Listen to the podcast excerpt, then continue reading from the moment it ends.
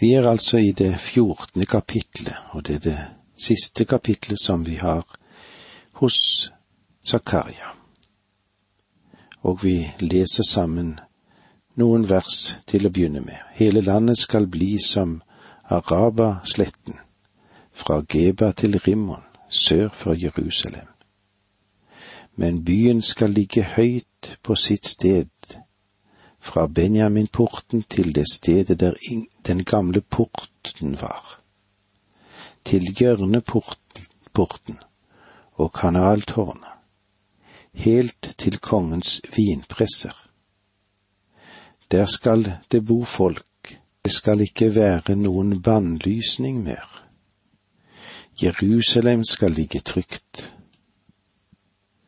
Dette er den plage som Herren vil la ramme alle folk som går til strid mot Jerusalem.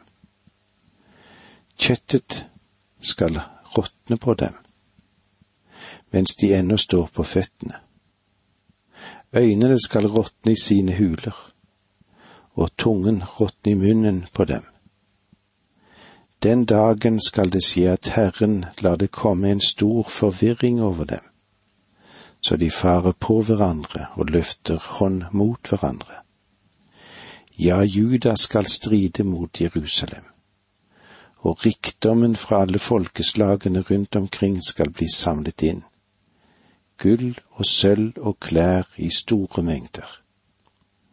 En slik plage skal også ramme hestene, mulddyrene, kamelene, eslene og alle andre dyr som er i leirene deres. Og så ser vi litt tilbake igjen til vers ti. Hele landet skal bli som Arabasletten, fra Geba til Rimmon sør for Jerusalem. Men byen skal ligge høyt på sitt sted, fra Benjaminporten til det stedet der den gamle porten var, til hjørneporten og Hananel-tårnet, helt til kongens vinpresser. Men byen skal ligge høyt på sitt sted, fra Benjaminporten til det stedet der den gamle porten var, til hjørneporten og Hanel-tårnet helt til kongens vinpresser. Det er de som har ment at det er vanskelig å få gjennomført dette, for vi vet ikke, ikke nå hvor disse stedene ligger. Flere av dem i alle fall. Men du kan nå være helt trygg på Herren vet om det. Vers 11 Der skal det bo folk. Det skal ikke være noen bannlysning mer. Jerusalem skal ligge trygt. Dette vil være første gang i Jerusalems historie at det vil være trygt å bo der. Det er ikke trygt å bo i Jerusalem i dag og det har det vel egentlig aldri vært. Jerusalem er et spenningsfullt sted. Men når tusenårsriket er inne, da er det den Herre Jesus som er kommet, og hans føtter har rørt oljeberget, og disse veldige fysiske forandringene har funnet sted. Da kan folket bo trygt i Jerusalem. Med andre ord, Freden er kommet til jorden for første gang. Dette er den plage som Herren vil la ramme alle folk som går til strid mot Jerusalem. Kjøttet skal råtne på dem mens det ennå står på føttene. Øynene skal råtne i sine huler, og tungen råtne i munnen på dem, står det i Zakaria 1412. Kjøttet skal råtne på dem mens de ennå står på føttene. Dette er en levende død mot Guds fiender. Åpenbaringsboken forteller oss at dette vil finne sted under den store trengselsperioden. Dette er et rystende perspektiv,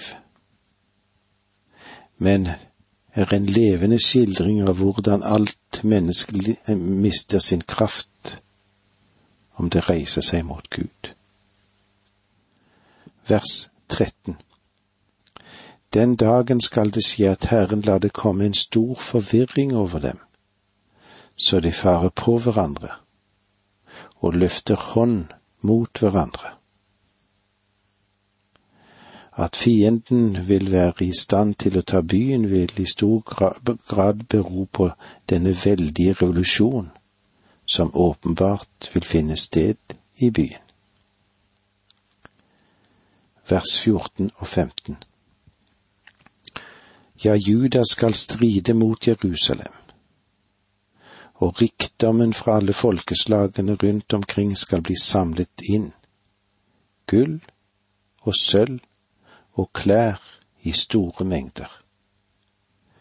En slik plage skal også ramme hestene, muldyrene, kamelene, eslene og alle andre dyr som er i leirene deres. Jerusalem skal bli verdens kommersielle senter. Det sies et annet sted i profetiene at det på samme vis som de brakte store rikdommer fra Egypt på Mosetid, så skal de føre store rikdommer inn i landet når de vandrer tilbake, det vil si når Gud lar dem vende tilbake. Vi kommer nå til en beskrivelse av selve kongeriket i motsetning til etableringen av det. Ved Kristi komme til jorden vil han få bukt med all urettferdighet og alt opprør. Vers 16 Alle som blir igjen av alle de folkeslag som drar imot Jerusalem, skal år etter år dra opp for å bøye seg og tilbe Kongen, Herren, allers Gud, og for å feire løvhyttefesten. Dette verset betyr at det ikke bare vil være en rest av Israel som blir frelst, men også en rest fra hver hedningenasjon. De skal også gå inn i riket. Alle som blir igjen av alle de folkeslag som drar imot Jerusalem, skal år etter år dra opp for å bøye seg og tilbe kongen, Herren allers Gud. De skal konsentrere seg om Jerusalem. Mange store forandringer finner sted ved denne tid. Ikke bare fysiske, ikke bare åndelige, ikke bare økonomiske og på andre livsområder, men også den måten som Gud formidler vitnesbyrdet på, skal endres under tusenårsriket. I dag er ordren at vi skal begynne fra Jerusalem og like til jordens ender. Men her går strømmen den andre veien, fra alle folkeslag opp til Jerusalem. Slik foregikk det også før den Herre Jesus kom og døde på korset. Men etter sin død og oppstandelse så sa han, gå til jordens ender med dette budskapet. Og med disse ordene må vi si takk for nå. Må Gud være med deg.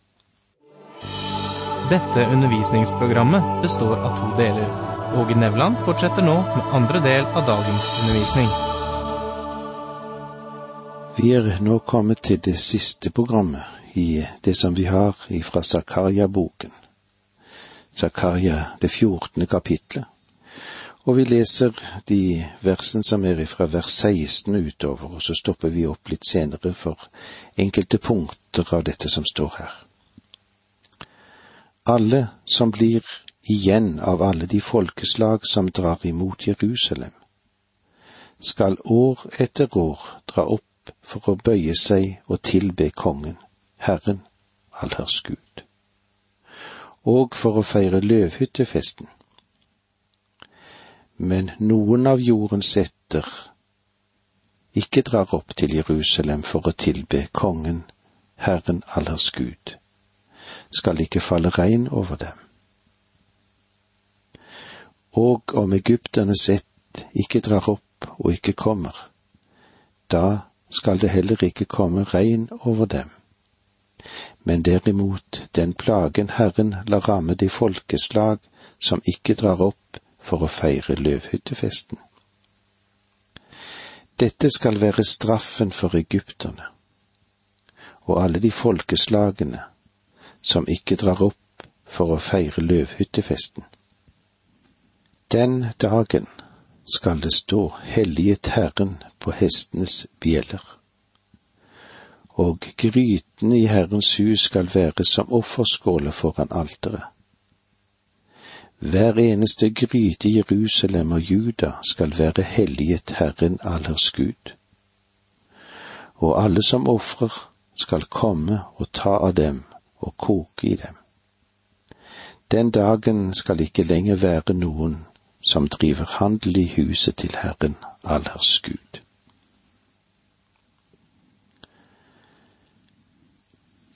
Alle som blir igjen av alle de folkeslagene som drar imot Jerusalem, skal år etter år dra opp for å bøye seg og tilbe kongen, Herren allers Gud, og for å feire løvhyttefesten. De som drar opp, skal dra år etter år for å feire løvhyttefesten. Løvhyttefesten, eller tabernakelfesten, er den fest israelittene feiret da de kom ut fra Egypt. Den dagen skal vi feire fordi den er ført inn fra jordens ender og så tilbake til Jerusalem igjen.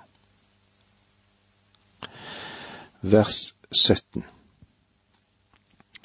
Men om noen av jordens etter ikke drar opp til Jerusalem for å tilbe kongen, Herren allers Gud, skal det ikke falle regn over dem. Kanskje noen vil si, jeg trodde at dette var tusenårsriket. Det er det. Men dette tusenårsriket vil også være en prøvetid for dem i den store skaren, en rest. Men en stor rest, tror jeg, som har vendt seg til Gud det er som å være kirkemedlem. Ikke alle kirkemedlemmer er kristne. Derfor vil denne perioden i løpet av tusenårsriket være en prøvetid. Versene 18 og 19 Og om egypternes ett ikke drar opp og ikke kommer, da skal det heller ikke komme regn over dem men derimot den plagen Herren lar ramme de folkeslag som ikke drar opp for å feire løvhyttefesten. Dette skal være straffen for egypterne og alle de folkeslag som ikke drar opp for å feire løvhyttefesten. Egypt ble brukt som et eksempel. Vers 20 den dagen skal det stå helliget Herren på hestenes bjeller, og gryten i Herrens hus skal være som offerskålene foran alteret. Den dagen Zakaria, han vil ikke slippe oss fri for dette uttrykket. Den dagen. Den dagen skal det stå helliget Herren på hestenes bjeller. Selv en bjelle på en hest skal være helliget for Herren. Hva betyr det, tror du? Det betyr at alt skal tjene Gud. Karene i tabernaklet ble kalt hellige kar. Hvorfor? De var ikke uvanlige og jeg har en følelse av at etter 40 år i ørkenen så var det både skrammer og bulker og hva det måtte være, på disse karene. Og jeg tror mange av dem så ut som de virkelig hadde vært igjennom en hard periode. Men du skal være klar over, de var helliget Herren, fordi de sto til tjeneste for Gud, og alt sammen skal tjene Gud den dagen og gryten i Herrens hus skal være som offerskålene foran alteret. Alt skal være til Guds ære da. Men i dag lever vi i en periode der praktisk talt ingenting står til Guds disposisjon. Hver eneste gryte i Jerusalem og Juda skal være helliget Herren, allers Gud og alle som ofrer skal komme og ta dem og koke i dem. Den dagen skal ikke lenger være noen som driver handel i Herrens hus, Allahs Gud. Dette står i vers 21. Hver eneste gryte i Jerusalem og Juda skal være helliget Herren Allahs Gud. Bare tenk på det. Tenk grundig gjennom det. Tenk på at hver smitt og smule skal stå til Guds disposisjon og ære Gud. Alt skal være innviet til ham.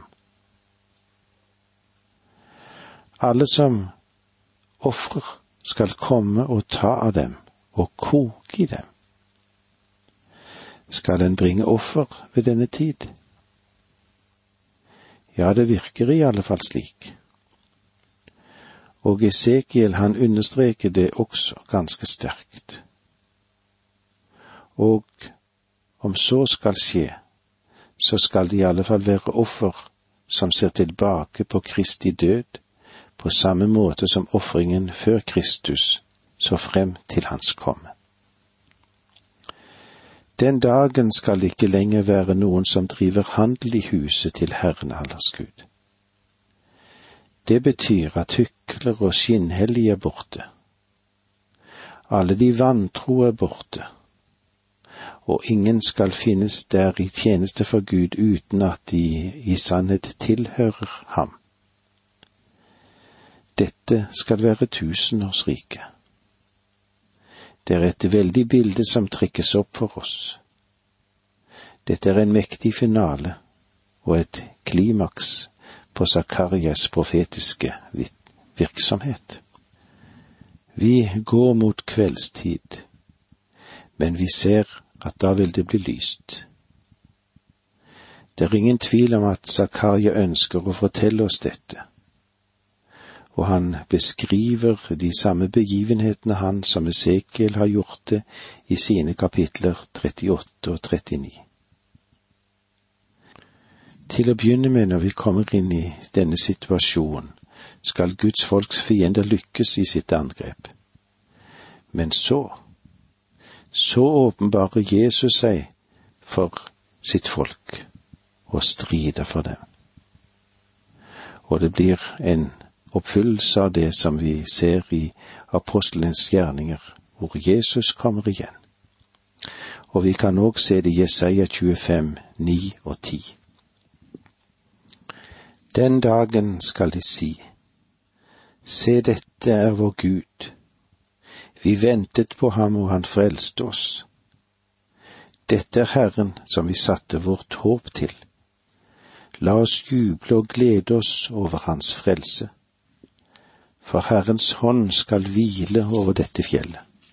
Men moabittene skal tråkkes ned i sitt land. Som halm tråkkes i gjødselvann. Og så kan vi òg se hvordan det var når Josef hadde det verst.